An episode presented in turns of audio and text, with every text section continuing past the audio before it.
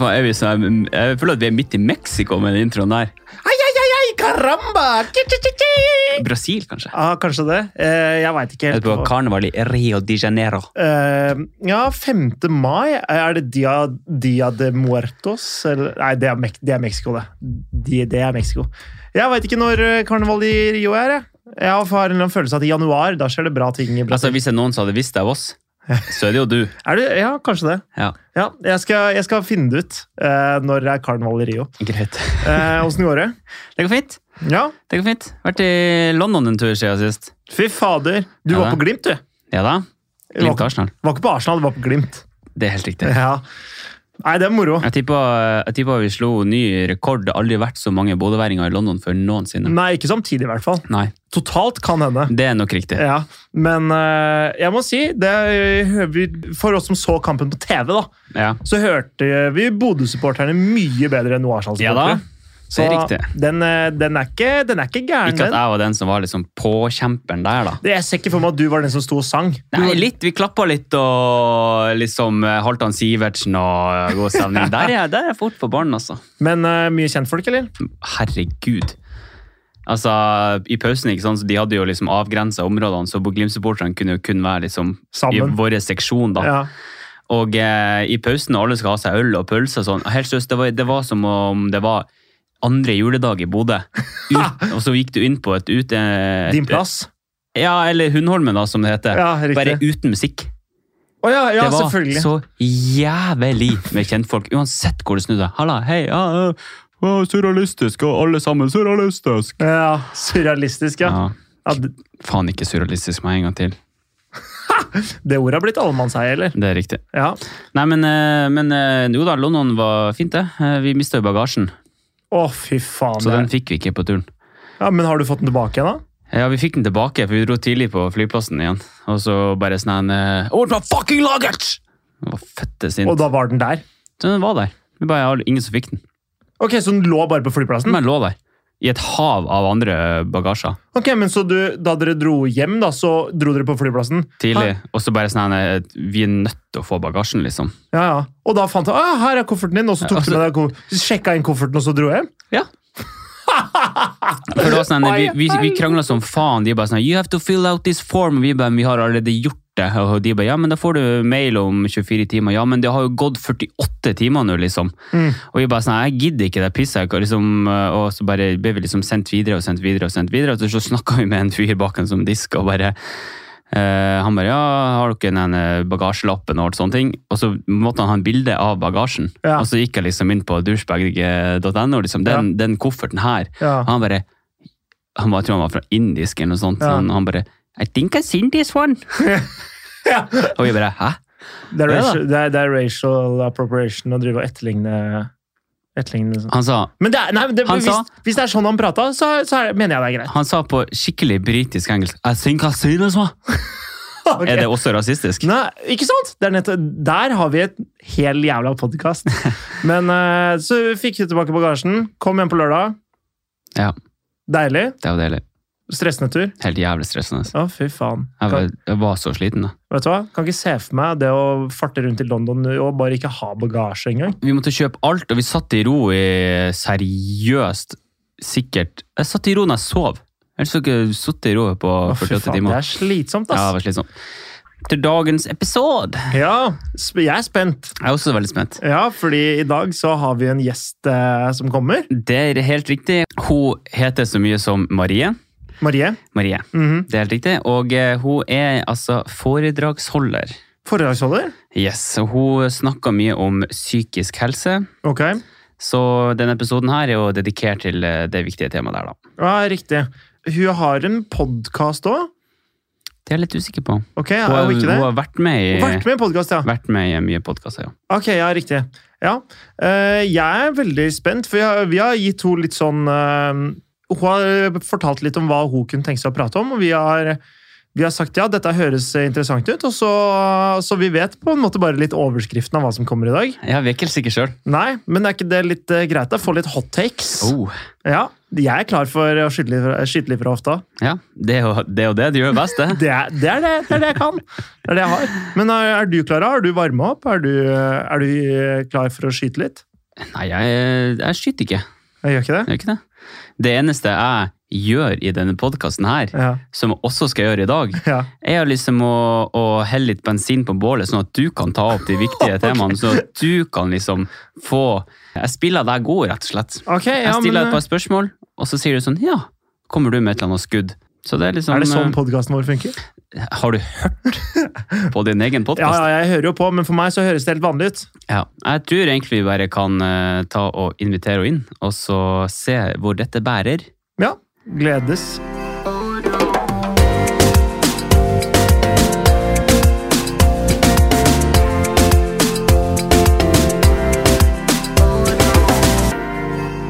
Da ønsker jeg hjertelig velkommen til deg, Marie.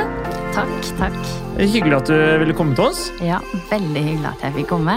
Vi har jo prata om dette en stund, om, eh, om eh, du skulle gjøre en gjesteopptreden her. Mm. Så Det begynner å bli ganske mange måneder nå, Ja. ja. ikke det? Ja. det er riktig, det. Tida den flyr, altså. Ja, det, vet du hva? Det er, det er et rent helvete å planlegge den podkasten her iblant. Ja, det tror jeg på. Morten er umulig å ha jobb med, vet du. Ja, ikke sant. ja, ikke sant. Du kan jo gjerne få presentere deg selv hvis du, hvis du, hvis du kan. ja. Eh, jeg er nettopp blitt 29. Eh, Fantastisk alder. Ja, fantastisk. Siste, siste årene før jeg er 30, så er det litt sånn der shit, nå begynner jeg å bli gammel. Nei, du begynner å bli voksen. Jeg elsker, elsker å være voksen. jeg. Ja, men det er godt å høre. Eh, jo, og så er jeg eh, foredragsholder. Eh, I tillegg til at jeg hovedsakelig jobber i rus og psykiatrien. Da. Og jeg har blant annet foredrag om eh, dysleksihistorien min. Eh, som har påvirka min psykisk helse i, i veldig stor grad. Um, så derfor reiser jeg rundt og deler den historien, da. Skal jeg begynne rett på den historien nå, eller skal jeg fortelle noe mer om meg sjøl? Ja, du kan gjerne starte med den. Ja. Litt bakgrunn. Ja. Eh, fordi jeg faktisk begynner jo på barneskolen i Tromsø. Eh, oppe i nord. Allerede der skjønner jeg dette går bare nedover fra første sekund. Eh, og da fikk jeg mm, eh, Da merka jeg veldig fort at jeg klarer jo ikke å lese så godt Eller jeg klarte, jeg klarte ikke å lese i det hele tatt, egentlig, i starten. I forhold til hva elevene mine, eller de jeg gikk i klasse med, kunne. Eh, så jeg har jo ekstremt høy grad av dysleksi. Eh, sånn som Jeg vet at Erna sier at hun har dysleksi, men jeg i motsetning, det er liksom sånn Hun er kanskje på lavnivå, jeg er på sånn høyt toppnivå. Okay. Så sånn veldig hopp, men i fjerde klasse så eh, flytter foreldrene mine til Hønefoss, til eh, Østlandet. Så det var litt mer eh, kulere å ha dysleksi i Tromsø enn det det var på Østlandet. Men hvorfor det? Eh, jeg veit ikke helt hvorfor det akkurat var sånn, men, men jeg veit at i hvert fall i Tromsø så kunne jeg være åpen om ting, og så ble du på en måte godtatt. Okay. Eh, mens em, i, i Hønefoss så var det på en måte mye mer sånn bestemt at vi allerede ikke liker deg fordi du blir tatt ut av klasserommet. Eh, og vi skjønner at du, Vi vet ikke hvorfor du blir tatt ut av klasserommet, men vi skjønner at det liksom er noe annerledes med deg, da. Okay. Eh, mens i Tromsø så tok ikke de meg ut av klasserommet alene. De tok meg sammen med andre elever som hadde en holdt på å si, normal funksjon. Eh, og så regulerte de på det, så jeg hadde, var aldri på en måte aleine med en spesiallærer. Jeg var alltid sammen med veldig mange forskjellige elever fra gang til gang. Mens i Hønefoss så var det liksom bare, bare meg.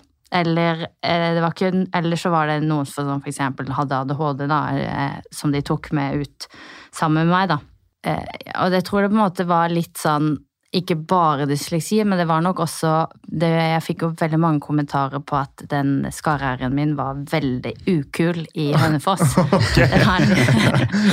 Beklager å le, men, ja, det, det, men det, er, det er lov til å le av det, for jeg ler av det i dag. ja, for det er, det Ja. er jo litt latterlig på en måte. At det, er, at det har noe Ja. å si. Ja. Men barn er barn. Ja. Og så er det jo litt sånn jo eldre jeg blir, jo mer på en måte kom det mer og mer synlig at de andre får til skolen, og jeg får ikke til skolen. Jeg ble på en måte tatt ut av klasserommet, så spesielt i gymtimene så valgte læreren at to elever skulle velge én og én på hvert sitt lag. Og da ble jeg ofte eh, valgt til sist. Men, men Ja. var du også svak i gym? Eh, I, altså, I utgangspunktet så handla jo veldig mye om å spille fotball sammen, eller å eh, ha en sånn der dansstikkball eller kanonball. Så i utgangspunktet så viser jo ikke det at du er dårligere. Du, det er liksom Poenget er å ha det gøy og spille på lag sammen, men Ja. det kom liksom veldig tydelig at uh, Marie er annerledes, hun vil vi ikke ha Ja. på liksom laget å gjøre, da. Og så, um, så det blei litt sånn at jeg blei veldig, hva skal jeg si, jeg blei veldig u, eh, upopulær. Jeg husker jo, det var jo, jeg føler jeg er veldig gammel når jeg sier det her, men det var jo den tiden vi hadde MSN, da. Ja, det, det er ikke så Ja. gammelt. så Det, vi alle Vi vokste vokste opp med det, vi òg. Ja, ja. Ja. Nudge. Nudge, ja. Og så, så skriver man liksom sånn derre eh, sånne, man, sånn, Nesten som man gjør på sånn Facebook-status. Sånn 'Jeg digger vennene mine', 'jeg digger Ja, ja. de', og litt sånne Mm. ting. Du hadde det liksom Ja. i sånn nikk, eh, Ja, nesten. Ja, stemmer. ja, ja. Så, så hadde jeg en som eh, Flere i klassen min som begynte å skrive til meg bare Ja, hvilken eh, venner har du, da? ja. Så de var liksom De var ikke bare på meg på skolen, men det var liksom veldig tydelig på, eh, på På nett. eh, på nett også. Og så var det en Han eh, skrev sånn derre Altså, jeg mista helt totalt tellinga, men han skrev sånn nerd, nerd sånn, Altså, den bare Hele den liksom rekka gikk ned, og så tenkte jeg Jeg er jo den siste som er nerd, for jeg får ikke til denne, de alle disse leksene, og jeg hadde ikke like mye lekser som de andre. Mm. Og så tror jeg det var litt sånn eh, det, var, sånn som, det var nok pedagogisk ment at nå tar vi Marie ut av klasserommet, og så, og så sånn at hun kan lære be, bedre. Mm. Men det gjorde jo at de andre i klassen bare sånn Ok, hun er det noe veldig rart med, og så kunne jo ikke pga. så kunne jo ikke lærerne fortelle hva det var. ja. Eh, og så husker jeg jo i sjette klasse at eh, de hadde også snakka med foreldrene mine om det, at eh, skal vi fortelle hva dysleksi er, sånn at de skjønner hvordan liksom Marie fungerer. Eh, og det opplevde jeg funka veldig bra i klasserommet etterpå, når lærerne var der, men i liksom i 7. klasse, når vi hadde gymsalen for oss selv i friminuttene, så var det jo fortsatt veldig mye utestengning og veldig mye hvisking, og så fikk jeg liksom høre ting via via andre, da. Sånn der Ja, det, Marie løper som en gås, liksom. Og så, og så blir det sånn eh, Ok, hvor kommer det fra? Men der og da, når jeg var tolvåring, jeg trodde jo at jeg løp som en gås. Ja, så liksom. klart. Så Du bare tar alt til deg. Mm. Eh, og så var det jo også sånn at det var veldig sånn kult når vi gikk i 7. klasse, at vi alle sammen samla seg på fotballbanen, så var det 7. klasse mot resten. Og så var det en sånn guttegjeng som bare sånn Ja, ja, Marie tar corneren. Eh, og det tror jeg var mest for å henge meg ut, og så tar jeg okay, jeg Så tenkte jeg sånn, ja, jeg får ta denne corneren, da. Og se åssen det går, liksom. Mm. Og så tar jeg og skyter denne corneren, og så var det flere av guttene som var sånn Shit, oi, det var seriøst bra, liksom. Dette var sykt bra. Så tenkte jeg ok, yes, endelig så får jeg til noe, og endelig får jeg liksom oppleve dette med mestring, da. Ja. Men så um, så får jeg høre noen dager etterpå, men det fikk jeg, når jeg tenker på det i ettertid, da, så var det noen jenter da, som sa at eh, nei, nå er Marie så høy på seg sjæl, og hun er jo aktiv på fotballbanen. Ja. Så det var sånn, det var feil når jeg engasjerte meg, og det var feil når jeg ikke engasjerte meg. Eh, og så var det jo litt sånn at man kan jo tenke hvor er mammaen og pappaen min på en måte oppi det her, og jeg eh, eh, jeg kunne på en måte Hjemme så var det liksom ikke sånn de var så veldig, Vi var ikke så veldig åpne om alle mulige følelser, men så samtidig så prøvde jeg liksom å lirke litt sånn unna og bare 'Mamma, jeg tror jeg er syk i dag, jeg har vondt i magen.' Og hun bare 'Nei, nei, jeg ser på hele deg, og du er ikke syk, du må, må på skolen'. så jeg liksom har liksom eh, som jeg egentlig er veldig glad for i dag, for det gjør at når noe er ubehagelig, eller når noe er smertefullt, eller når du må ta opp en ukomfortabel samtale, så veit jeg at det må jeg, fordi mamma har alltid sendt meg på skolen, Mm. selv om jeg har syntes det har vært kjempeubehagelig, da. Ja. Um, så ja, den her dysleksien min forma jo vel, på veldig mange områder hele meg til å bare gjøre en enkel handling som man tenker da, ta ut av klasserommet, til at det blei Jeg ble behandla på denne måten som jeg har gitt eksempler på nå, da. Mm.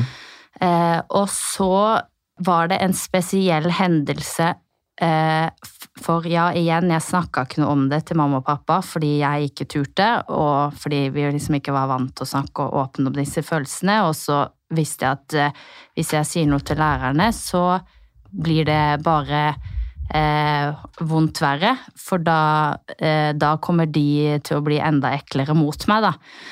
Eh, så vi hadde jo en hendelse i 7. klasse hvor vi hadde dans stikkball. Og han ene der, han, eh, han var veldig sann på å kaste mot ansiktet mitt, da. Ehm, og eh, For man har en sånn uskreven, eh, hva skal jeg si, eh, eller jeg vet ikke om det er en skreven regel i dansk stikkball, at du egentlig ikke skal treffe verken hodet eller ansiktet. Mm. At det liksom ikke teller, men det dreit vi i 7. klasse, da. Så han eh, kasta bevisst eh, og sikta mot ansiktet mitt for å faktisk treffe meg. Eh, men så en gang så slo han så hardt at jeg kjente det svidde i hele ansiktet, og jeg ble helt rød, og jeg kjente at nå nå har jeg lyst til å Eller jeg ikke- hadde ikke lyst til det, men jeg kjente nå begynner jeg å grine. Men så tenkte jeg jeg kan jo ikke grine nå, for da er jeg, viser jeg at jeg er sykt svak, og da kommer alle til å le av meg. Mm. Eh, så, og som jeg nok på mange måter gjorde nok veldig underbevisst eh, gjennom alle disse stygge kommentarene jeg fikk, at ok, ikke vis at du griner, bare hold alt inni deg. Og jeg husker, det, jeg husker det slaget som det var på, på mange måter i går, fordi det gjorde så intens vondt i forhold Mm. til de andre slagene, da. Men igjen, jeg bare satt meg jo på denne gymsalscenen som du gjorde når du hadde blitt stikket, og skulle være med, da.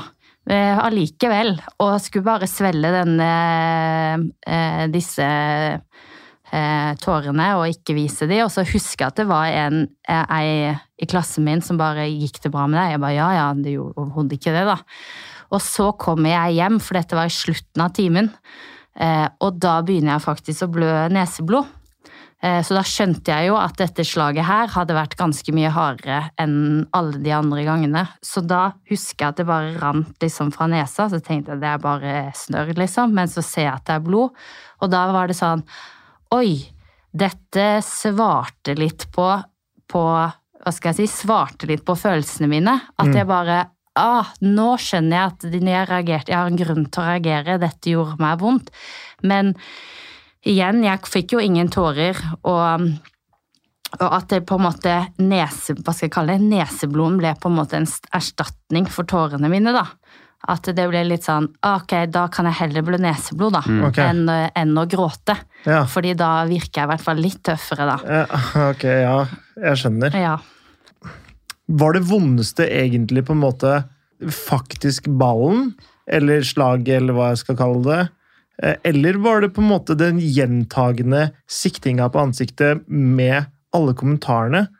Eh, Det er jo i, nå- Som tolvåring hadde jeg nok ikke klart å kunne svare ordentlig på det her, men, men nå i dag så ser jeg at det er at noen bevisst kan gjøre noe sånt og sikte mot mitt ansikt når jeg ikke har gjort denne personen noe.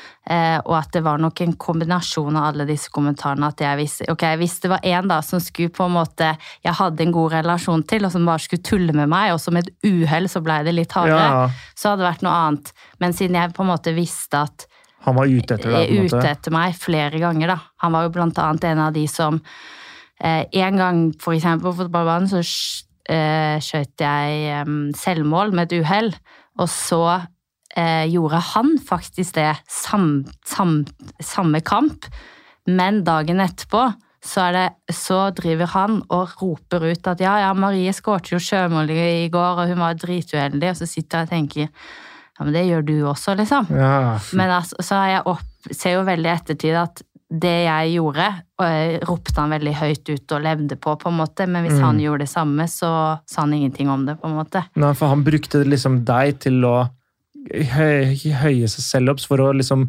feie over sine, Mm. sine feil. Så gjorde han Han klatra på deg, da, Ja. for å slippe å være der nede selv, som en av de som skårte sjølmål, på en måte. Ja. Ja. Det er grusomt. Men tror du, tror du rota til det her er i det faktum at du ble tatt ut av klasserommet? For Eh, du, du nevnte jo ja. først at du var i Tromsø, og da, ble du liksom, da var du i klasserommet og ting Mm. var liksom fint. Og da var det vanlig at alle ble tatt ut av klasserommet iblant, Ja. på en måte. Men så kom du til Sandefjord. nei, Hønefoss. Hønefoss, Ja. sorry, beklager. Og da ble du tatt ut eh, Mm. klasserommet, og da ble det liksom verre fra den stunden der. Ja, eh, det var jo i hvert fall Det var i hvert fall veldig tydelig kontrast for meg i forhold til det. Og så var det jo eh, Er det nok også nok den personen jeg var som hva var jeg, hvor gammel er jeg? Jeg er i hvert fall fjerdeklassing, da. Som da kanskje ikke at de så også at ok, eh, hun er et svakt ledd, eller hun kan vi la oss utnytte men så kan det være at jeg kanskje hadde vært hatt mer tro på meg sjøl hvis jeg ikke ble på en måte tatt ut av klasserommet og sett på en måte sett på som annerledes, for i Tromsø da, så følte jeg meg ikke annerledes. Nei. Eh, Men så husker jeg også veldig godt eh, den kulturforskjellen fra Tromsø og Hønefoss, fordi i Tromsø så var det ikke det nivået av baksnakking.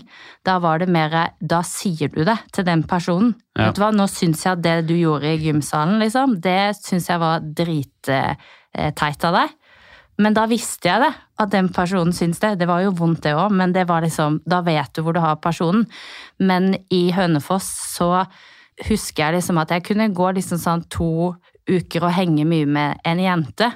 Eller noen jenter, da. Og så, eh, to uker etterpå, så kommer liksom en annen jente og si, og kanskje inkludert en av de jentene jeg hadde hengt med, sånn Ja, du følger etter oss hele tiden, du. Så er det sånn eh, I Tromsø så hadde du i hvert fall sagt det. Ja. Ja, ja. At det var litt eh, At jeg merker jeg har veldig eh, Hva skal jeg si Preg av at heller si det som det er, enn enn å spille et skuespill, på en måte. Ja, den, eh, den ser jeg, og det er Ja. noe vi har vært innom her flere ganger òg, i poden ellers.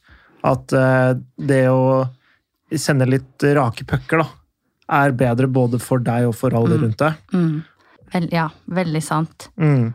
Eh, men jeg tror liksom Sånn tilbake til det spørsmålet du stilte, Morten. Jeg tror på en måte det kan være en kombinasjon at ja, jeg blir tatt ut av klasserommet, og så ser de at det er et svakt ledd å ta benytte seg av. Eh, men så er det jo igjen eh, veldig den kulturforskjellen jeg ser fra Hønefoss og Tromsø, Ja. selv om det er et samme land, da. Men eh, kan det være det, Kan det være en forskjell på rett og slett at alderen også forandra seg, eller tror du det er mer geografisk? Fordi det er vel kanskje vanligere med på en måte baksnakking og sånn blant eh, tolvåringer enn blant åtteåringer, på en måte? Ja, jeg, jeg, jeg tenker også at alderen spiller inn her. For det var jo på en Ja. måte en, en verre periode å på en Ja. måte skifte til, da, Ja. for å si det sånn. Og syvende klasse er jo rett før eh, ungdomsskolen, så det er nok mye mer eh, Mye mer va, hva skal jeg kalle det, vanlig at du baksnakker. Ja. Mm. Eh, men så har jeg tenkt mye. Hadde jeg fortsatt vært i Tromsø, hadde jeg kanskje fortsatt fått det kanskje litt mer direkte, da. Men det er litt sånn vanskelig å si, for jeg bodde jo ikke da i Tromsø på den tiden. Men det kan, kan godt tenkes at på en måte du ikke hadde endt opp like utafor, for med tanke på den rulleringa som du gjorde, at liksom alle elevene i klassen var med deg når du liksom gikk, gikk ut av klasserommet og sånne ting, og at man på en måte blir en større del av miljøet på den Mm. måten, at egentlig Tromsø var mye flinkere til å liksom integrere deg og, uh, med liksom hele klassen, og inkludere deg, ikke minst, med, Ja. med hele klassen. Og, Ja. uh, som Hønefoss åpenbart ikke fikk til i det hele tatt. Ja, ja, absolutt. Og jeg husker jo at eh, når jeg begynte på ungdomsskolen, så var det jo eh, var jo fortsatt litt sånn eh, påvirka av at jeg ble tatt ut av klasserommet, men det var noen som bare godtok meg for den jeg var, som jeg har som venner i, i dag òg. Så det var litt sånn, da kunne jeg liksom drite litt i i de som ikke brydde seg, på en måte, da, fordi jeg hadde uansett noen venner. At det er jo, Jeg hørte ordtaket at det er bedre å ha én sann, fem- én sann venn enn liksom ti falske, da. Eh, så det var nok mye det jeg opplevde på ungdomsskolen, men allikevel så, så stengte jeg eh, veldig igjen disse følelsene, sånn som man sier at man ikke gråter, og det er noe jeg kunne kjenne meg veldig, veldig igjen i, for jeg gråt nesten aldri, både gjennom ungdomsskolen og, og, og gjennom videregående, og på, på videregående da, når, når jeg også fikk det enda mye bedre enn på ungdomsskolen, så var det liksom eh, sånn der vi snakker jo ja, Man blir jo mer moden og kan snakke mer om ting, og så eh, skulle vi se var det flere i klassen som bare 'Ja, den filmen der har griner jeg, og den filmen der griner jeg.' Og jeg bare 'Jeg har aldri grenet av en film'. Mm. Og de bare sånn 'Hæ? Seriøst? Da må du, da må du se denne filmen', Ja. og så må vi endelig se Marie grine. Men det, liksom alle satt, Det var en film vi satt og så i klassen, liksom. Alle satt og grein utenom meg. Er det sant? Ja. Men uh, hvordan er det, er det liksom I dag, da? Kan du gråte av film nå, liksom? Uh, ja, for det som skjer da, for fire år siden, så sånn Føler jeg snakker veldig langt tilbake, det er ikke så lenge siden. Så jeg skal hoppe litt lenger tilbake. For seks år siden så studerte jeg i Sogndal. Og så valgte jeg å gå til en rådgiver som var tilbud for studenter. Og det er egentlig ganske kult, fordi at hun kan også henvise deg til psykolog hvis det var behov for det. Så hun kunne på en måte i hermetegn fungere som en fastlege, da. Fordi at eh, hun liksom For at lavterskelen skal bli litt sånn eh, For at ungdommer, nei, studenter skal få hjelp, da. Eh, så hun eh, var en jeg gikk og, og, og snakka med. Det var veldig sånn ironisk hvorfor jeg gikk og begynte å snakke med henne, var fordi det var en fyr jeg, som ikke studerte i Sogndal, som jeg hadde vært på leir med, på sommerleir med, som jeg bare ikke fikk ut av hodet. Jeg bare, og så visste jeg det ikke var det kunne ikke bli oss uansett, og han. Og jeg fikk han liksom ikke ut av hodet og prøvde å ha Tinder, og det liksom funka ikke. Og, og så jeg ble sånn der Hvor får han ikke ut av hodet? Jeg må bare ha hjelp til det, liksom. Og så begynner, ble jeg sånn der, litt sånn irriterende å tenke på nå, da, fordi hun bare Nei, jeg tror eh, det her handler om eh, at du har en mur foran hjertet ditt. Og da husker jeg bare, jeg skjønner ikke bare hva du babler om, liksom. Mur foran hjertet, Jeg er jo meg og studerer og har det fint og Så bare um, Og så Det som var veldig sånn fantastisk å tenke på tilbake, var at på den tiden så Igjen da, så hadde jeg liksom spilt, prøvd å spille fotball, dans, stikkball, blitt valgt sist i gymmen. Så liksom det med idrett og gym det var liksom en ting som jeg hadde veldig lyst til å mestre, men ikke fikk til. Så jeg bare tok liksom noe helt i andre enden da jeg begynte å studere. Så prøvde jeg meg på amerikansk fotball. Oi, det er kult, da. Det er modig. Det var ganske modig å tenke på nå, i hvert fall. Eh, Men det var jo veldig fint, fordi når det var et sånt studenttilbud, så var det liksom Du kunne komme dit og bare ha null erfaring, så det var et så Mm. godt lavterskeltilbud, da. Så eh, mens jeg driver og prater med denne rådgiveren, eller jeg liksom går til henne jevnlig, så prøvde jeg jo på, det, på dette med amerikansk fotball. Og da kommer jeg jo liksom Du får jo veldig sånn flashback, for der er det jo mange gutter, uten at jeg har tenkt så mye over det, som da slår gjerne i veggen og blir sinte fordi at de sjøl ikke scorer, og de kan jo bli så hissige. Og tar det på alvor, ja. Ja, de tar det skikkelig på alvor. Det, Det kan jeg kjenne meg igjen i. Ja. Det er helt riktig. Det er nok meg. Ja. Så det var bare sånn Ja, så jeg fikk jo veldig sånn flashback tilbake til, til barneskolen, men så så jeg jo på en måte flere ganger at de ville jo fortsatt at jeg skulle være der. Det handla jo ikke om meg, det handla jo om dems konkurranseinstinkt og, Mm.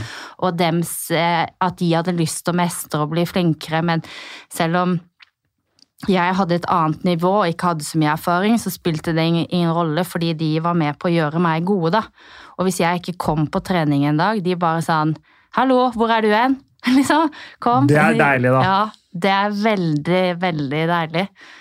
Eh, Så det gjorde jo, men det gjorde jo at det var veldig mye som skjedde inni meg, som jeg kan se tilbake på nå, da. Der og da så ble det som et sånn hav, og du bare prøver å liksom gå over Prøver å komme til overflaten uten at du tenker over det. Mm. Og det var veldig mye følelser inni meg som liksom skjedde som jeg ikke var klar over. At jeg hadde liksom eh, ikke så mye kontakt, men jeg, jeg sier jo at jeg ikke gråt, men jeg var også en som på en måte her jeg kunne irritere meg over ting som ikke var vits å irritere seg over, liksom. Eh, Men når jeg liksom hadde hatt en økt på amerikansk fotball, så slutta jeg å irritere meg over ting som ikke var vits å irritere seg over. Mm. Da var det sånn der, Ja, men det, det ligger der, liksom. Ja. Fordi det, jeg, jeg kan kjenne meg litt igjen i det. Da jeg vokste opp, så var jeg liksom, det å dra på fotballtrening det, ble, det var veldig sånn terapeutisk for meg. Og liksom, der fikk jeg ut mye aggresjon og liksom utløp for mye av de tingene som jeg kanskje liksom, liksom stengte inne. da. Og det er sånn Det funker åpenbart som når du er langt opp i 20-åra også, tydeligvis. da. Ja, ja, absolutt. Og så sier jo Jeg snakker jo Fordelen er at jeg snakker jevnlig med denne rådgiveren, og hun pusher meg til å dra på trening, og jeg skjønte nok ikke der og da helt hvorfor hun var veldig sånn Det er veldig bra du går på trening og bygger relasjonen til disse gutta, men Eh, så jeg var litt sånn ja ja, jeg skjønner hva du Eller jeg skjønte ikke hva hun babla, men jeg var liksom bare sånn jeg gjør, gjør det du sier, og tenk liksom For jeg visste nok heller ikke på det tidspunktet, da, så visste jeg ikke hva hennes mål var, på en måte. Eh, at hva hennes hvor, Eller hvordan det var å leve uten denne muren som hun snakka om, da. Så i, i 2018, når jeg var, hadde levert bacheloren og skulle dra og flytte faktisk til USA eh, fra Sogndal, så hadde jeg jo bodd i samme kollektiv med de samme jentene, som bare Vi hadde jo helt fantastisk og var en familie i tre år. Og så eh, Og så skulle jeg egentlig først si ha det til en kompis. Det er så rart å tenke på i dag. Og så hadde jeg en sånn syk klump inni magen som jeg bare ikke klarte å sette ord på hva var for noe. Jeg bare Hva er dette her? Dette har jeg Mm. aldri kunne kjent på, liksom. Så jeg satt med han i bilen i fem timer. Fordi jeg klarte ikke å skjønne hva det var. Jeg klarte ikke hva det var, hva var det som skjer på innsiden min. Så jeg, og så gikk jeg, og så inn, i, inn til meg selv etter å ha sagt ha det til han. Og så kommer, sier hun ene jeg bor med at eh, ja, dere, har, dere kommer til å bevare vennskapet fordi dere har et spesielt vennskapsbånd eller et eller annet sånt. Og så kommer de første tårene. Så jeg bare sånn Hæ, oi, er det dette som handler om å, å gråte, da? Eh, og så er det ikke det at det bare det fortsetter jo den der uka. Den uka der var noe av det mest fantastiske og mest krevende ever som har skjedd. Jeg skulle si ha det til hun ene jeg hadde bodd med, og så har jeg fortsatt denne klumpen inni meg. Og så når jeg kommer til rommet mitt, så har hun lagt tre brev på sengekanten min, og jeg rekker ikke å ta i de brevene engang før alle tårene bare renner. Og de rant og de rant og de rant sånn sjukt mye. Ja, det var Yes. sånn eh, Og så kommer hun ene jeg bor med som enda ikke hadde flytta ut, da. Eh, og så skal jeg forklare til henne hva som skjedde da. Men jeg klarte jo ikke det engang. Jeg bare mista sånn totalt kontrollen på meg sjøl som jeg før har alltid, liksom, alltid kunnet kontrollert disse tårene. Alltid sånn, sånn helt tilbake til det slaget, da. Setter seg på scenen, blør hele neseblod, vær drittøff og drit i de tårene. Til, eller heller kjenn på en sånn sjukt ekkel klump inni deg, og så forsvinner den til slutt. Til at du liksom bare kjenner at nå kan jeg gråte, nå kan på en måte det løsne. Du hadde Mm. liksom 25 år med gråt du, som kom ut Som på, ut der, ja. ja, som Ja. kom ut på, i løpet av én uke. Ja, det Det blir jo krevende, jeg skjønner, jeg skjønner jo det. Det blir ganske, ganske mye krevende. Mm. Eh, og man kan jo tenke litt sånn Ja, det er jo naturlig at de kommer fordi jeg skal flytte fra, fra Sogndal, der jeg har studert, men igjen, jeg har flytta fra jeg har gått på internatskole, jeg har ikke grått en eneste tåre når jeg har dratt derifra. Mm. Jeg gråt heller ikke når jeg slutta på ungdomsskolen, da var jeg bare glad, på en måte. Eh, at jeg har liksom, Og selv om jeg har flytta fra by til by, så har jeg aldri grått, så det var liksom var en veldig sånn kontrast i forhold til hva, hvem jeg var vant til at jeg var, da. Men det var jo det her som jeg skjønte at nå, nå eh, i det, i 2018 så, så knakk den, eller knuste den muren, da. At jeg fikk mye mer kontakt med følelsene mine. Og jeg kjenner jo at man liksom eh, ja, jeg irriterer meg mye mindre over ting og blir ikke like lett sint på ting som, som jeg kunne bli før, da. Mm. Eh, at jeg heller får det ut eh, Kan heller få det ut ved at jeg gråter. Men samtidig så må jeg si at jeg er ikke eh, jeg er jo på en måte fortsatt lik meg selv, at man kan fort tenke at nå griner jeg annenhver dag. Det er ikke helt sånn det funker. At jeg, jeg kan fortsatt se på en film og ikke gråte. Eller jeg kan fortsatt høre tøffe historier og nødvendigvis ikke være den som gråter med. Men fordi det er litt sånn jeg på en måte er, er skrudd sammen. Men at når, eh, når livet mitt er Når jeg har utfordrende dager eller tøffe dager, så tør jeg mye mer å si til nære venner at nå er dette drittøft, og, og jeg trenger at du bare kommer og backer meg litt, og at vi går en tur og bare hører på alt det rare som er inni hodet mitt akkurat nå. Ja, du bare Ja. lufter det ut, Ja. liksom. Og da kan jeg gjerne begynne å gråte. Men det eh, er også noe igjen som ikke har skjedd før, da. Men at jeg har, har eh, mye mer kontakt, da. Med, og det er de siste fire årene, så har jeg jo ja, totalt mista tellinga på, på hvor mange ganger jeg har grått i løpet av et år. Men var det liksom idretten som gjorde at du kom dit? Eller var, eller var det terapeuten? Eller var det en blanding? Eh, jeg tror at eh, hvis jeg bare hadde gått til hunderådgiveren, så tror jeg ikke jeg hadde kommet dit. Eh, jeg tror mye amerikansk fotball gjorde at det vekte veldig mye i meg, som ga, gjorde Ja. har liksom satte ting veldig mye i bevegelse.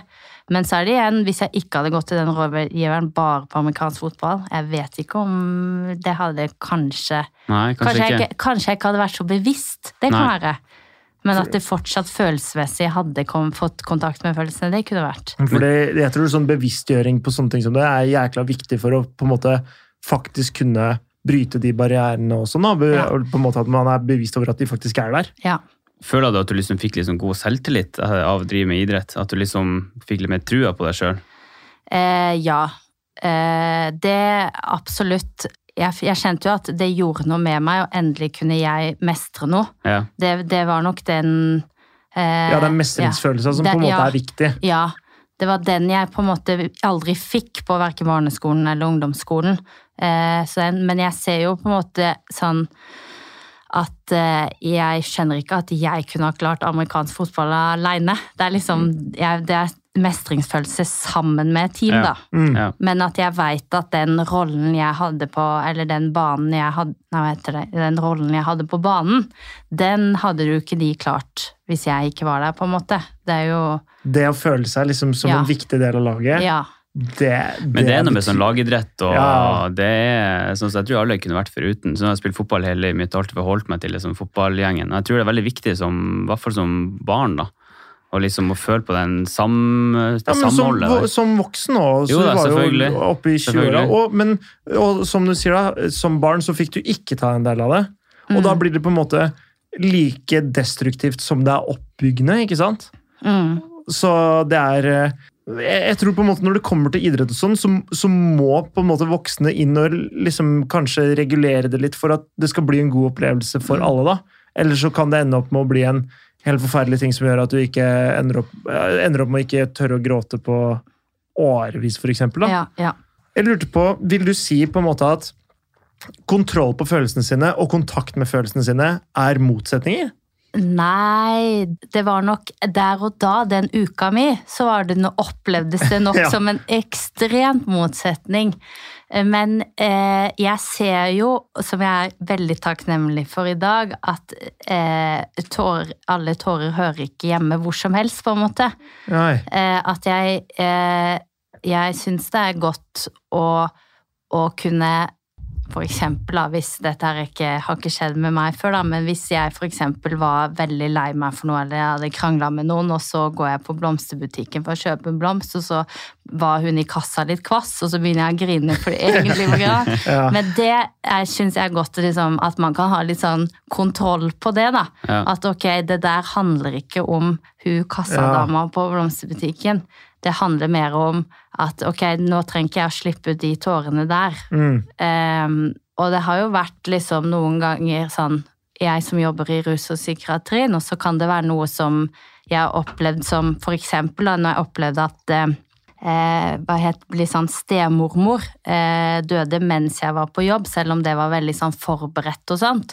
Så var det veldig godt å, å vite at jeg kan heller gråte de på rommet mitt hvor ikke brukerne er, Mm. eh, og bare fordøye det aleine, at eh, teamleder ga meg tillatelse til å være på rommet mitt aleine, enn at jeg bare leser den meldinga, og så begynner tårene å komme en gang. Ja, fordi Ja. du på en måte du har kontroll nok til at du kan vente litt på det, Ja. men kontakt nok til at de Ja. kan komme genuint når du først liksom Ok, nå kan du la disse følelsene Ja. flyte over deg. Ja. Wow, det er jo helt fantastisk!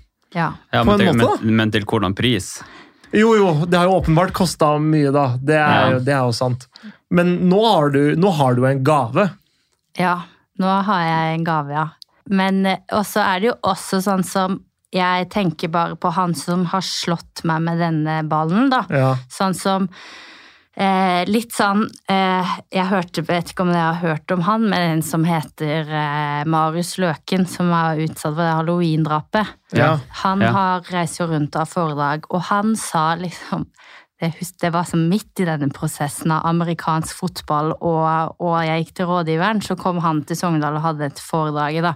Sa han ja, og jeg har valgt å tilgi, ikke fordi at jeg er et godt menneske, men fordi at jeg vil få fred med meg sjøl. Mm. Og jeg satt der og tenkte himla lett å tilgi, liksom. Det bare, jeg syns det er så, var så vanskelig på det tidspunktet å tenke på det. Um, og, og for meg da, så har liksom veien vært at og tilgivelse er ikke at du aksepterer det som har blitt gjort, men at jeg kan heller tenke at ok, denne gutten hadde det jo ikke lett, han heller, men han, han viste det utad på en annen måte enn det jeg gjorde. Mm. Så også ja, jeg fikk kontakt med følelsene mine, men jeg kjenner at det er ingenting i meg som bærer noe nag til han på noe som helst måte. Jeg tenker at eh, han, han har på en måte gjort meg mer bevisst på, en måte, på ting som jeg ikke visste Mm. Om i dag, da. Eh, så det har liksom vært eh, sånn eh, man sier sånn, Jeg klarer ikke å tilgi og skjønner ikke hvordan du klarer å gi slipp på ting. Så er det for meg så har liksom veien vært å finne ut hva tilgivelse ikke er. Ok. Men, hvor, men liksom- hvordan gjør man det? Altså sånn, Hvordan funker en sånn prosess? Altså sånn, hvis, man skal, hvis jeg skal tilgi noen, så blir det sånn sånn Ja, hvordan gjør man egentlig det? Altså, jeg er veldig sånn som må gjøre ting veldig i fysisk handling for at det skal fungere. Ja. Eh, Så jeg er litt sånn som kan skrive ting eh, ned på en eh, lapp som jeg er irritert over, krølle det sammen og faktisk tenne det på et bål eller Ja. kaste det i peisen eller noe sånt. Ja. Det har funka veldig bra for meg, men jeg har også Og da klarer du liksom å gi slipp på det, da, fordi Ja. du skriver det ned, og så er det sånn Ok, nå er jeg ferdig. Brenn det opp. Ja, det er, det er den fysiske. Og hvis jeg kan liksom komme på den tanken, så er det Nei, men det er jo brent opp i peisen. Ja. At, at det, så det er noe jeg må si til meg Så den ballen, Det ballen, i fjeset, ballen i fjeset nå, hvis, liksom, hvis du merker liksom hva faen, for en dust han var. Nei, vent. Det er brent opp, hele greiene der. Ja, at det, det blir sånn påminnelse, ja. Shit. Det er jo Ja. Se der. Sånn å ha liksom sånn teknikker, da. For på en måte når, disse, når negative følelser kommer, eller liksom når negative tanker kommer, å ha en teknikk for å håndtere det, Mm. det tror jeg, det tror jeg er helt genialt, og en fantastisk sånn Jeg veit ikke hva det heter på norsk, men en sånn coping mechanism. Eh, Sånn liksom ja, Teknikk. ja, en, bare en teknikk for å liksom For å fungere med det. Og liksom la det Håndtere det, på en måte. Jeg tror det er dødssmart. Men i, i foredraget ditt eh, 'Jeg er ikke bra nok' og veien i eh, motbakken, eller motbakker, Motbakker. hva, Mm. hva vil du si er liksom budskapet ditt der? Er det liksom Ja, eller hva er, hva er liksom essensen i det du prøver å, å lære folk, på en måte? Det er jo hoveds... Altså, det er jo min historie, um, og gjennom min historie så er det jo veldig Eller litt sånn at veldig mye Jeg ser jo i samfunnet at veldig mye kan sykeliggjøres.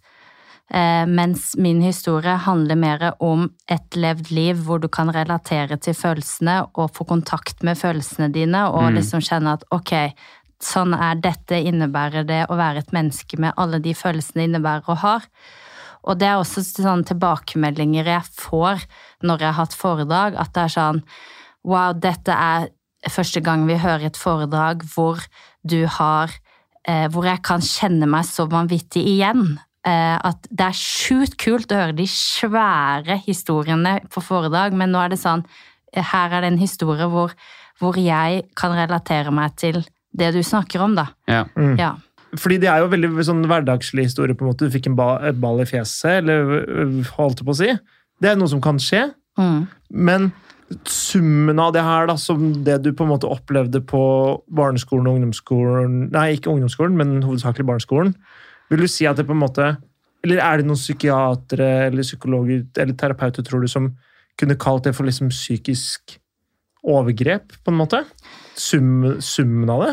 Eller psykisk terror, kanskje, er vel mer riktig å Ja. bruke? Jeg, jeg har hørt at Eller det er jo i hvert fall snakk om mobbing. Og at det, har vært, at det kan være en skikkelig stor psykisk påkjenning som ikke alle kan slå Hva heter det? Eller som kan liksom medføre psykiske vansker eller psykiske utfordringer, da. Mens eh, så har du jo det eh, Jeg syns det er veldig rart å snakke om det selv, men det er det jeg liksom ofte får Som jeg syns har vært vanskelig å se sjøl òg, men, men når jeg liksom deler foredraget mitt, så er det ofte man tenker på det å være resilience, hvis dere har hørt det psykolog... Motstandsdyktig? Ja, at du stiller deg motstandsdyktig mot psykiske vansker. At du kan oppleve en eh, Hvis jeg ikke skal bare ikke relatere det til meg, da, men sånn generelt at er, hvis to samme personer opplever to like traumer, så, og den ene er resilience og den andre er ikke, så vil den ene slite med en eller annen form for psykisk lidelse eller psykiske vansker, mens den andre vil kunne oppleve at traumene kommer igjen, men kan klare å sortere det i sitt eget hode, Mm. og klarer å, å stille seg imot det, da. Og litt sånn som resilience kan være det samme som et løvetannsbarn, at, du klarer, at en løvetann klarer å presse seg opp gjennom asfalten, da. Mm. ja. Vil du si på en måte at du har litt av den motstandsdyktigheten, da, eller den resiliensen? Ja, det er det eh, jeg har hørt fra de som- profesjonelle som har hjulpet meg, da. Ja. At jeg har den, den i meg, da. Er det, tror du det er mulig å finne den for de som på en måte kanskje ikke føler på det? det, sånn som det for meg sånn, Vi har jo hatt om akkurat det her i psykologien. Eh, og hvis jeg husker rett, så tror jeg man, man er med om det. Er det at man er medfødt med den, men at man ikke veit om man har den før man eventuelt blir utsatt for en alvorlig krise eller en traume, at den da kan slå ut. da Okay. og man ser. Men et faktor som kjenner, som er veldig Men igjen, det er et veldig generelt faktor. At resilience ofte blir lettere påvirka av et miljø enn biologisk familie. ok. Mm. Eh, Så resilience-barn har en styrke i å heller finne andre partnere. Sånn som eksempel hvis noen blir utsatt for, for eh, eh, overgrep hjemme, da. Men så har de en sjukt flink fotballtrener da, som tar vare på, ser deg og hører deg, og, og man har det veldig bra på fotballen.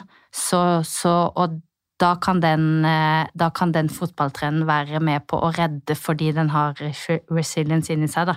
Det er mer å si hva de på fotballaget sier, da. Ok. Ja. Og det her, eh, det, det her følte jeg nesten uh, traff meg litt, jeg. Meg og mine søsken har ikke alltid, liksom, alltid hatt det så lett. Vi har mye skilsmisseproblemer og sånne ting. Jeg tror jeg har kanskje litt, litt mer av den resiliensen enn det Kanskje jeg har litt mer av det enn det søsknene mine har. Og det har vært liksom ja, det, det kjenner jeg liksom er litt sånn touchy, nesten. Oi. Jeg er litt sånn, det er, men for meg har det på en måte gått jeg, Fordi jeg føler liksom at jeg har funnet så, så mange andre som på en måte jeg har litt sånn, ok, vet du hva, det der med mamma og pappa, det er, det er problemer. Jeg lener meg på andre jeg har rundt meg, da.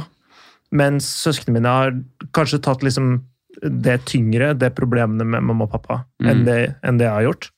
Så det du snakker om der, det er, det er ekte, ekte vare, i hvert fall. Det føler Ja. jeg i hvert fall at jeg kan kjenne meg igjen i. Mm.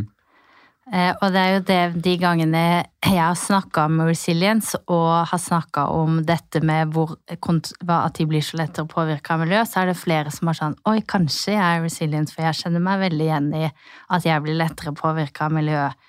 Mm. At det har noe, har noe å si, da. Har du resilience, eller Morten? Jeg vet ikke. Altså, jeg føler ikke at jeg blir påvirka av folk rundt meg, egentlig. Nei, men, eh, men dette, det her kan jeg ikke nok til å stille, her, stille deg til veggs på, kjente jeg. Nei. Eh, så nei, du har ikke det, du. Nei, jeg tror ikke det. Men har det mer for deg å si hva foreldrene dine sier, enn hva vennene dine har sagt? Åh, den er faktisk, Det er vanskelige spørsmål. Åh, Det tror jeg kommer veldig an på temaet. Men uh, Ja. jeg vet ikke. Det er veldig vanskelig å svare på. For meg er det et kjempeløst spørsmål å svare på. Ja. Alltid de rundt deg. Alltid vennene mine. Ja. Jeg, det, og det er, det er bare sånn det er resultatet av hele oppveksten min. da. Ja. At uh, Nei, det, det, jeg må ha, jeg, det er de rundt meg jeg lener på, ikke nødvendigvis de over meg. Eller de, de mamma og pappa, da. Jeg lener meg på på en måte ja, for der er vi ganske forskjellige, for jeg har jo kjempegodt forhold til mamma og pappa. Jeg har et ganske godt forhold nå, men opp, da oppveksten har vært vanskelig, da. Ja. Men uh, der er vi forskjellige, det, er, det har du helt rett i. Mm. For du har vært ganske close med foreldrene dine hele veien. Hele veien. Mm. Og hatt relativt lite problemer. Ja, ikke Så sant? vært veldig, veldig heldig der, da. Mm. Foreldrene dine er fortsatt sammen, er det ikke det? Mm, Mm. det er riktig. Det er vel ikke så ofte, eller det var kanskje sjeldent i Ja, dag? jeg ville sagt kanskje sånn 50 ish. 50-50. Jeg, jeg tror det vel er mer at besteforeldrene våre har holdt sammen, og så begynner det vel å komme at nå foreldrene skiller seg, Ja. Tror jeg. Ja, Jeg tror det er noe sånn. ja, det har, For vi er en ganske stor guttegjeng, og vi er sånn, jeg tror vi er jeg tror 15 stykker, og det er kun to. Som holder sammen. Ja. Og det er sjukt. Det er mine foreldre og en til. Mm. Det er Så det er ganske, Ja. det er ganske sterke tall, det. Jeg, tror, jeg tror man er heldig hvis man har foreldre som holder sammen. Det gjør en familiekonstellasjon ganske mye enklere. Sånn jeg Ja. ser det, i hvert fall. Da. Ja. Det gjør nok det. Ja. Jeg, jeg syns også det er litt spennende på en måte fordi det er jo en kjent sak at liksom gutter gråter veldig lite. Eller Mm. gutter holder jo gråt ofte veldig inne. Og det å liksom gråte som gutt, da er du svak, og liksom sånn greie som det, er ikke noe som på en måte folk sier at liksom du er svak hvis du griner. Det er ikke sånn, men man skal framstå som så sterk som en gutt. Mm. Så å gråte er på en måte et svakhetstegn. Ja, tabu, rett og slett. Ja. Ja, for det liksom, Og det er ikke noen som på en måte sier det, men det er bare noe du føler sjøl. I hvert fall sånn jeg har tenkt på det. At liksom, jeg skal ikke grine, fordi da, da taper jeg. Ja. er sånn på en måte jeg, jeg vokste opp og tenkte på det. Og jeg, jeg, jeg skal ikke si engang at jeg er helt kvitt det, det greiene der. For jeg vil, ikke, jeg vil jo ikke begynne å grine i en situasjon. Da vil jeg heller, som du, da, ha kontroll på det og spare det til jeg kommer hjem. Men hvordan fordi der vet jeg ikke om Hvis jeg hadde følt på den trangen til å begynne å gråte i en situasjon hvor jeg egentlig vil si fra, så vet jeg ikke om La oss si det var jeg som hadde fått ballen i fjeset, da. Og så hadde jeg hatt lyst til å si Hvorfor, hvorfor, hvorfor går du alltid til trynet mitt, liksom? Mm. Kan du la meg være, liksom? Mens jeg hadde hatt trangen til å begynne å grine, Mm. så hadde jeg ikke klart å si fra uten gråten. Ja. Nei, Den det, ser ja. jeg. Og der tror jeg man bare på en måte må gå i seg sjøl og forberede seg litt på at hvis jeg faktisk begynner å grine i den situasjonen, så er det greit, da, på en måte. Eller sånn, da, da er det eh, Da blir man, man blir så frustrert, og man på en måte sånn Fordi du blir egentlig vinneren når, når du er den som sier du oppfører deg som en drittsekk. Hvorfor gjør du det? Og når alle rundt deg på en måte blir klar over at du føler deg hvis jeg, hadde, hvis jeg hadde gjort alle rundt meg oppmerksom på at jeg føler meg utrolig dårlig behandla av den personen her, så hadde alle rundt meg også sagt sånn Det er faktisk sett liksom Dette er dårlig gjort. Uh, vi hadde ei jente i klassen på ungdomsskolen som følte seg mobba. Uh, hadde skrevet et langt brev som jeg husker ikke om hun leste opp sjøl, eller om læreren leste opp i klasserommet. Hun følte seg blant annet mobba av meg. Fordi det var en gang hvor jeg, hvor jeg hadde snudd meg rundt og pratet henne på pulten hennes. Eller liksom pratet henne over, over hennes pult, da. Og så hadde jeg og så hadde, i liksom, Mens jeg prata, så hadde jeg spytta, på en måte. Eller sånn, sånn bare sånn, Det hadde Ja. kommet noe ut av munnen, og det landa på pulten. Og da sier hun sånn Hun bare totalt brød seg ingenting om det jeg sa. Og så sa hun bare sånn Du spytter. Og da ble jeg så frustrert. Fordi jeg følte hun, jeg følte hun mobba meg. Så jeg gjorde sånn Og liksom spytta utover hele pulten hennes, på en måte. da. Mm. Eller, og da følte hun at jeg mobba hun. Mens jeg følte at hun var den som hadde mobba meg. Og det kulminerte liksom med at hun leste opp et brev rundt liksom, i klassen hvor hun blant annet ikke adresserte meg, men adresserte den situasjonen. Og jeg skjønte jo at det handla om meg. Og da er det sånn Jeg jeg husker nesten ikke hva jeg skulle med denne historien, her, men poenget er på en måte at hun følte seg mobba når, når jeg følte meg mobba på en måte. Da. Så det er, det er så utrolig vanskelig, hele den, å på en måte forstå hverandre og, og komme hverandre i, i møte når på en måte alle taper. Mm. Men jeg husker jo at jeg tenkte Jeg syns synd på deg. Jeg, jeg vil jo ikke være en drittsekk. Jeg vil jo ikke at du skal bli behandla dårlig. Det er det jeg husker at jeg tenkte. At jeg ble på en måte bevisst på de tingene som gjorde at hun følte seg behandla dårlig, når hun sa fra. Mens jeg var jo ikke klar over det før hun sa fra om det. Fordi da var det egentlig jeg som følte at hun var den som dissa meg. Og det tror jeg, det, jeg tror det på en måte er veldig vanskelig i en situasjon å tenke at jeg føler han er slem mot deg, hvorfor føler ikke han det samme? Gir det mening det jeg sier nå? Ja, At liksom, La oss si da, han med, han med ballen. Ja. Jeg tror på en måte ikke han har et bevisst forhold til at han var slem mot deg. Jeg tror, eller Nei. sånn, jeg vet ikke, da. Men Men det, er, det det har jeg tenkt um, på liksom i, i etter, nå i ettertid. Fordi at nå merker jeg jo at som er foredragsholder, og at jeg jobber i rus og psykiatrien, og, og at jeg har motbevist lærerne mine og sitter med en bachelor som de, de trodde jo ikke jeg skulle klare videre, gå, gå, videregående engang. Så, så er det jo flere som jeg har gått på barneskolen med, som bare sånn Wow, hva skjedde med Marie, liksom? ja, ja. mm, Eh, Det, hun er jo. Hun har liksom bare strekt seg. Men eh, så tror Og det er flere av de som, som er hyggelige med meg i dag. Det er ikke alle jeg, jeg har på Facebook heller, da, som jeg Nei, ikke helt nei. vet hvor er i livet. Men, eh, men så har jeg tenkt liksom at jeg tror ikke de nødvendigvis har tenkt over helt hva som har blitt sagt, på en måte. Jeg vet ikke hvordan jeg skal forklare det. Det er liksom, som hun ja. jenta som sa 'Hvorfor følger du etter oss?' Ja. Har, har hun tenkt over det, tror du? Nei, jeg, jeg tror liksom, tenker kanskje at det er kanskje litt sånn Altså, sånn som jeg Jeg er sånn der eh, Hvorfor kan ikke livet være som et mattestykke, to streker under så Ja, så er du det har vært ferdig, ferdig med det? Ja, ja. Men jeg ser liksom at det er alltid liksom to sider av en sak. Mm.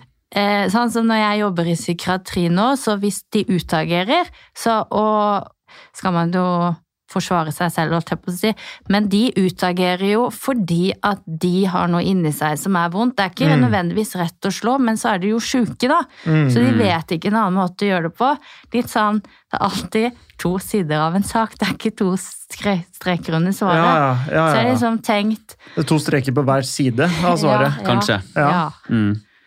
Eh, Så jeg synes liksom, jeg har, måte For meg så har det vært veldig viktig å slå seg til ro med at vi er alle mennesker, Mm. og at det var en klok eh, nabodame til familien min som sa du må velge de kampene du vil ta.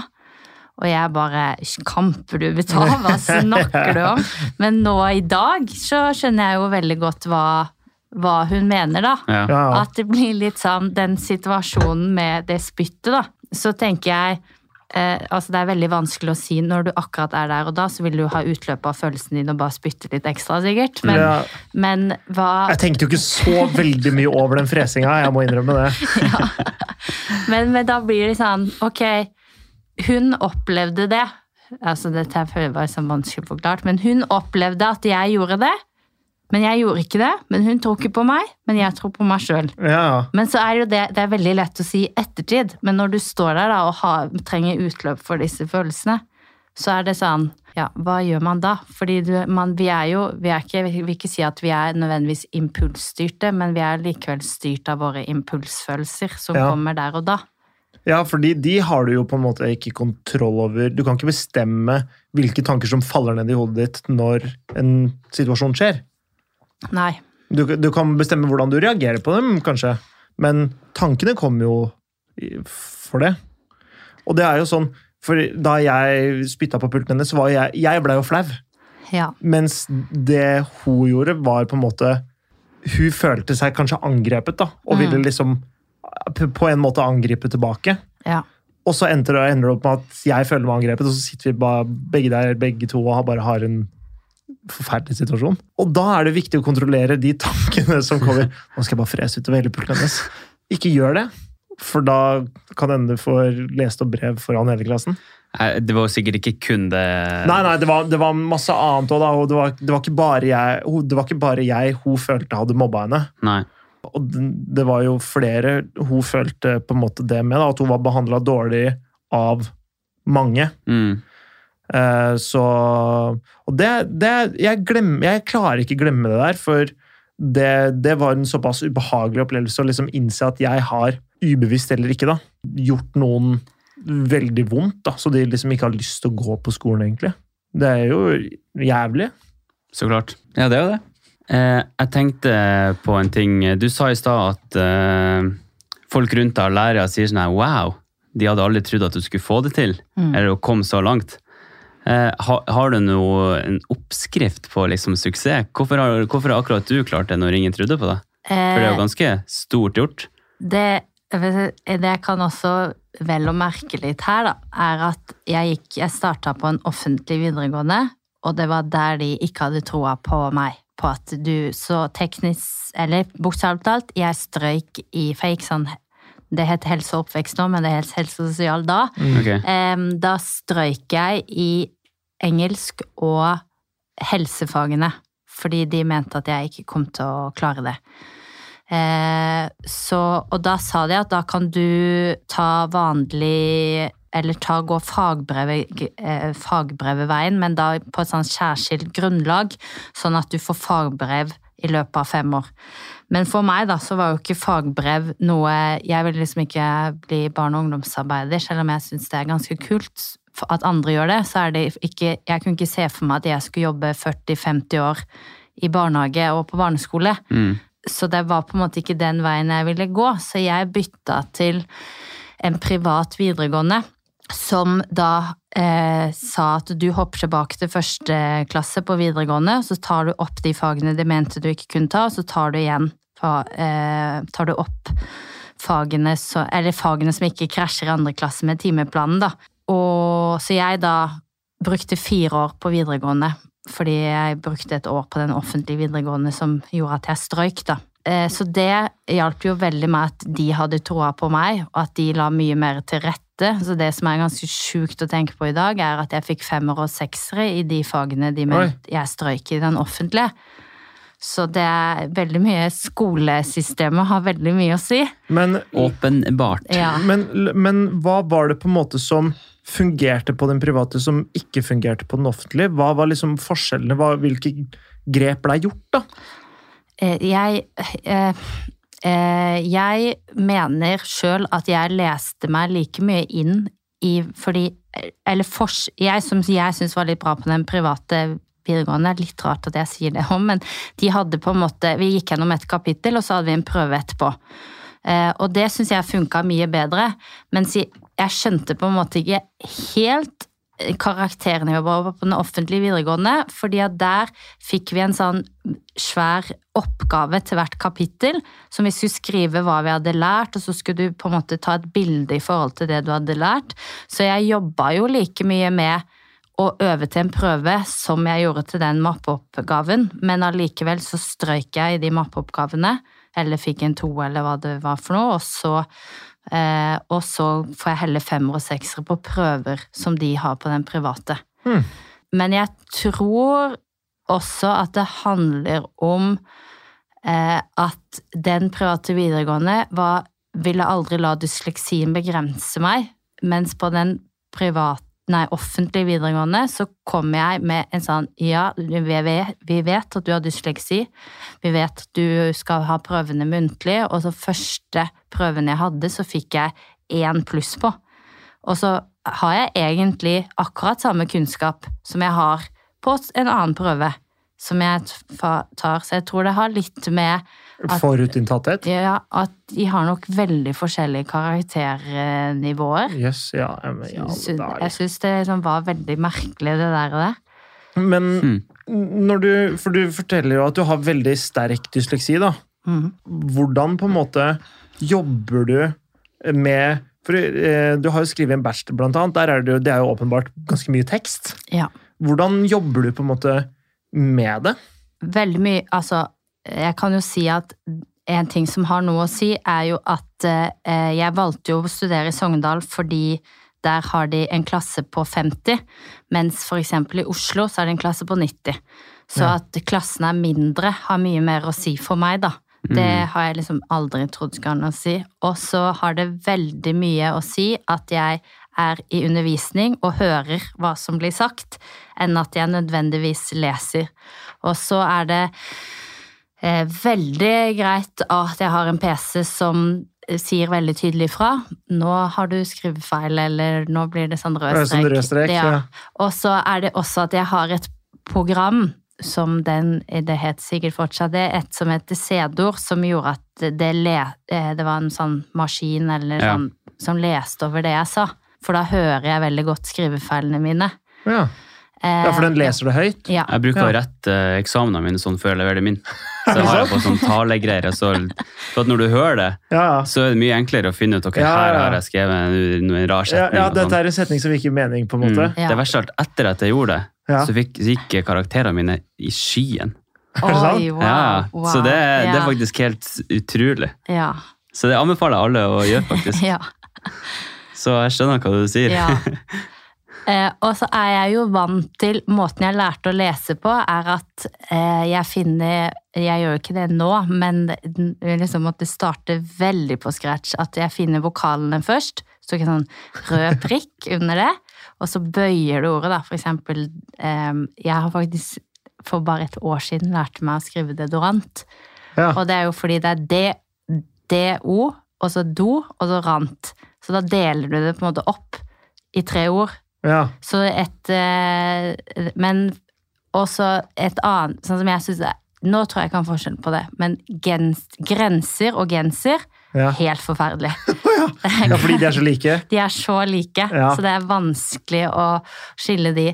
Men hadde jeg Leger uten genser, der har du hatt et problem. Så du er liksom Fader, er legene går der De fryser sikkert. Det er akkurat det. Ja. Eh, også, men hadde jeg lest en tekst i dag, eh, så hadde man bare hørt at jeg leser den sakte, Ja. og ikke nødvendigvis at jeg leser den feil, fordi når jeg begynner å, jeg, begynner å gå på skolen og oppdager dysleksien, så var lesinga tydeligvis veldig, veldig utfordrende for meg, og skrivinga var sånn ok. Men på videregående switcher det, at lesinga blir veldig mye bedre. Det er nok fordi jeg jobba mye med det, og så blir skrivinga helt ræva, nesten. Eh, Men ehm, så igjen så har det jo mye å si på den private videregående at eh, jeg eh, hadde jo nesten ikke noen framføringer på barneskolen. Jeg hadde liksom litt, og Marie kunne liksom si litt, men på, på videregående så bestemte de at eh, nei, vi eh, Marie har like frem, eh, skal like mye fremføring og sånt som alle de andre. Og det gjorde jo at eh, jeg eller lærerne oppdaga egenskaper jeg ikke visste at jeg hadde. da. At det bare du får fram så mye og kan så mye når du snakker muntlig. Mm. Og liksom, det var en sånn påbyggsklasse, en gjeng av gutter som egentlig var sånn ja, vi skal bare ha påbygg for å ha studiekompetanse og driter i resten om vi får to, liksom. Men Ja. når jeg gikk opp og prata, de var helt stille.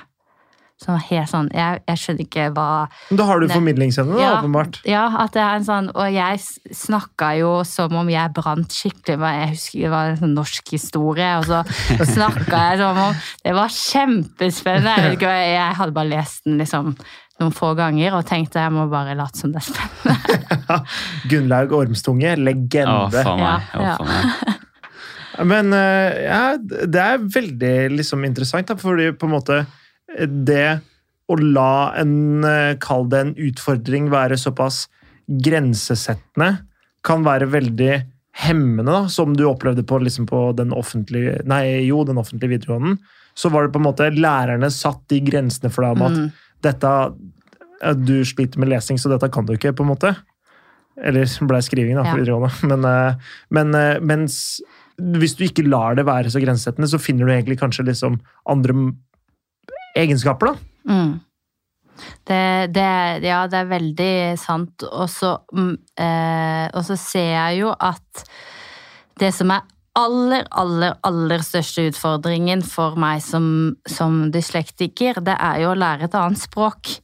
Ja. Eh, at, eh, så det at ja, både ungdomsskolen og for, eh, for så vidt videregående, at jeg har fått fritak i å lære meg fremmedspråk, men at jeg må jo selvfølgelig lære meg engelsk.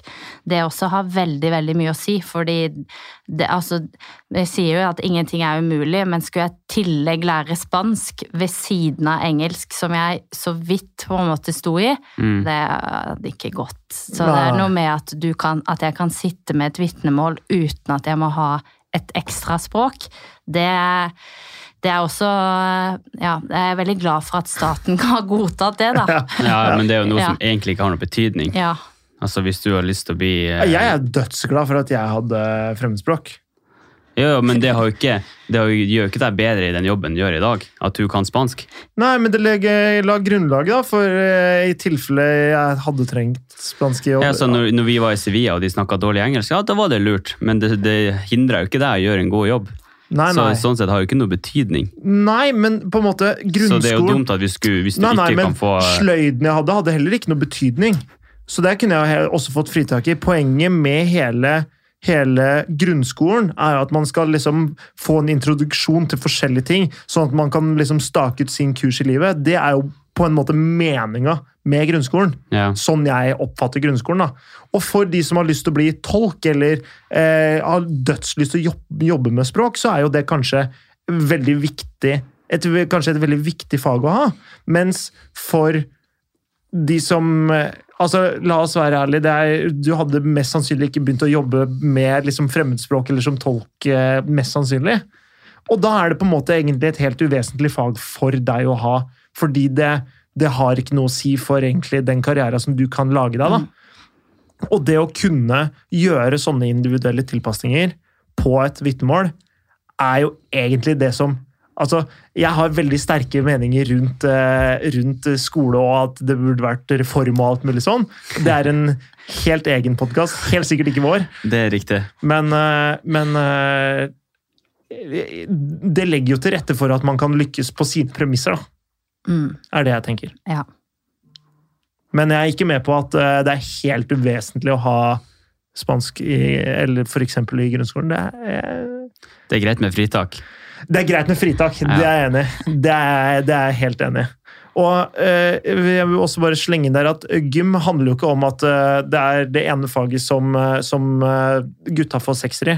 Det handler ikke om at det skal være det, det handler om at alle skal få en god følelse rundt det å faktisk være aktiv. Ja. Så jeg skjønner at det er urettferdig at, eh, at liksom eh, hun svake jenta og hun og han svake gutten også får en ålreit karakter i gym. For de som faktisk bare er gode i gym. Men det er ikke det det Men handler det handler ikke alltid om ferdigheter. Nei, og, og det handler ikke om at man skal på en måte belønne de ferdighetene heller. Det kan man gjøre på videregående. Jeg skjønner at man kommer i ja, liksom, eh, Ungdomsskolekarakter har noe å si for hvor man kommer inn på videregående. Mm. Det skjønner jeg, men det handler om Hele grunnskolen skal jo egentlig handle om at man skal ha en god opplevelse. Med ett av fagene, i hvert fall. Ja, forhåpentligvis. Ja, tenker jeg, da. Tusen takk for at du kom, Marie. Takk for at jeg kom med. Tusen takk eh, til deg, Morten, for at du har vært her. Jo, takk til deg sjøl. Takk, eh, takk for at du takker meg. Det setter jeg stor pris på. Jeg håper, jeg håper lytterne også har fått noe ut av dette. Jeg syns dette var kjempespennende prat. Og det, det foredraget her er åpenbart at det, det bidrar. Det er jeg helt, helt sikker på. Viktig. Ja. Viktig. Mm, Nei, takk til deg. takk for meg. Dysleksi. Dysleksi, ja.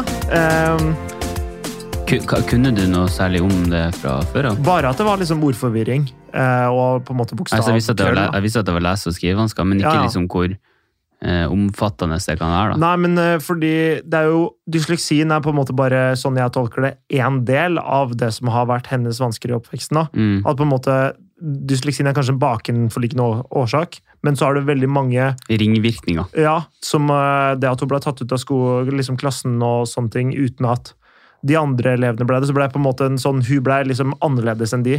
Så siden det ble integrert på en dårlig måte, så ble hun liksom en, et utskudd i klassen, liksom. da. Ja. Så eh, jeg må si at det, det åpna jeg minner litt hvordan man håndterer på en måte sånne ting hos barn, for da. Jeg vil jo tro at liksom eh, skolesystemet funka bedre i dag. Det begynner å bli noen år siden. Jeg, Jeg tror, det, tror, det, tror man har legger mer merke til det. At det er liksom mer fokus på den type ting enn det var før. Jeg tror det Eh, Det vet du jo selvfølgelig ikke, men jeg tror jo det. Man snakker jo mye mer åpent og ærlig i dag enn man gjorde før. da. Jeg tror det er mer eh, syk, sykeliggjøring, på en måte. da, at liksom, Jeg tror det er mye mer normalt. ja, det, Alle sånne ting er mer normalt. og på en måte, Jeg tror de er flinkere til å håndtere liksom, diagnoser og sånn. fordi Før så var det bare sånn Du er umulig, du. Og så blir du lobotomert. Ja, fy faen. Uh, Så bare går de inn og så kutter de strengen inn Nei, i hjernebarken. det de gjør, er at de, de borer et bor inn i frontallappen og Mm. basically tar fra deg all bevissthet. Altså, de du bare, kutter. Det er vel eh, det, det som skjer, er at personligheten din blir ja, ødelagt. blir borte. Det var det de Ja. gjorde under andre, andre, andre verdenskrig. Ja, blant annet. Blant annet. Eh, det, altså, det siste lobotomering i Norge tror jeg var på 70-tallet. Ja, det er riktig. Eh, og det er bare at personligheten din blir ødelagt. Det skjedde på Dale sykehus litt utenfor Stavanger. Er det sant? På den siste lobotomeringen. Er det sant? Mm, 90, søt- søt- 1972, tror jeg. Ja, noe sånt. Ja. Eh, men eh, Nei, jeg syns det er veldig beskrivende for mange ting som jeg på en måte ikke har tenkt så mye på. Så jeg ble veldig bevisst på liksom mye, av de, mye av de greiene som hun sa. Da. Eh, Og jeg er veldig interessert i oppvekst og skolesystem, og, fordi det kan jeg så lite om. Men samtidig så er det så viktig for hvordan man ender opp med å vokse opp. Da. Det, det at de årene på barneskolen ble ekstremt definerende for liksom uh, hele ungdomsskolen hennes. Det Ja. Nesten, eller i hvert fall de, Måten hun ble behandla tidlig på Hø- Høie i Hønefoss, la veldig mye av grunnlaget for hvordan hun ble behandla seint av de andre elevene på, i Hønefoss. Men det, det jeg sjøl sitter litt igjen med, liksom sånn, den viktigheten med å faktisk ta tak i det. Ja. Eh, og liksom, som hun sier da, liksom, det at hun gikk til en rådgiver og liksom begynte på den idretten, amerikansk fotball, det var liksom, sånn som jeg tolka hennes historie, så var det liksom da hennes liv begynte. ja, fordi hun leita egentlig Kanskje hun har leita egentlig hele videregående og ungdomsskolen og alt mulig etter en arena å ha noe mestring. Det er jo litt feil å si at det var da hennes liv begynte. Ja, men det er, liksom det er sånn- ikke riktig. Det er absolutt ikke riktig, men, men tror jeg skjønner hva jeg, Ja. hva jeg prøver å si her. Det var en åpenbar en stor omveltning eh, En åpenbaring, kanskje? ja, kanskje. Ikke sant? Mm. Livet hennes ble drastisk endra der hvor hun på en måte fikk deala med følelsene sine, eller komme i kontakt med dem. Ja. Nei, det det å ta tak i ting og på en måte prøve å jobbe med ting som kan være litt tøft, da. Viktig. Viktig. Og finne arenaer hvor man har mestring. Viktig. Veldig viktig. Viktig. Absolutt. Viktig. Vi hadde jo en veldig fin prat etterpå. Mm. Eh, jeg tenker at eh, vi hadde jeg synes et, Vi hadde jo egentlig tenkt å avslutte podkasten som vi hadde med Marie for litt siden, eh, etter eh, liksom Vi sa jo egentlig sånn takk og alt sånn, føler jeg nesten, men så, så bare stoppa vi ikke recordinga, så hadde vi en jækla god samtale etterpå. Det har bare endt med at vi klipper denne episoden her i to episoder, og så gir vi det ut i hver sin, hver sin bolk, da. Så uh, Nei, det, dette, det, dette er en av de to delene av, som uh, vi har en kortserie på to episoder. det, det, dette, er, dette er en miniserie fortalt av Joakim Førsund. Ja, Det er litt sånn som, eh, sånn som Dune. Del én og del to. Vet du hva? Jeg gleder meg som faen til Dune del to. Ja, jeg gleder meg som faen til del to av denne episoden her òg. Ja, Den, er bra. helt den, den er knall, ass! Det er kanskje en Du av har de mye innsikt! Veldig mye. Veldig mye. Og det er et viktig tema, og vi er klin ærlige. Det er vi faktisk. Nei, okay. dette, dette er bra. Takk, eh, Tusen takk for i dag. takk for i dag, Morten. Hei du. Hei du! Hei du.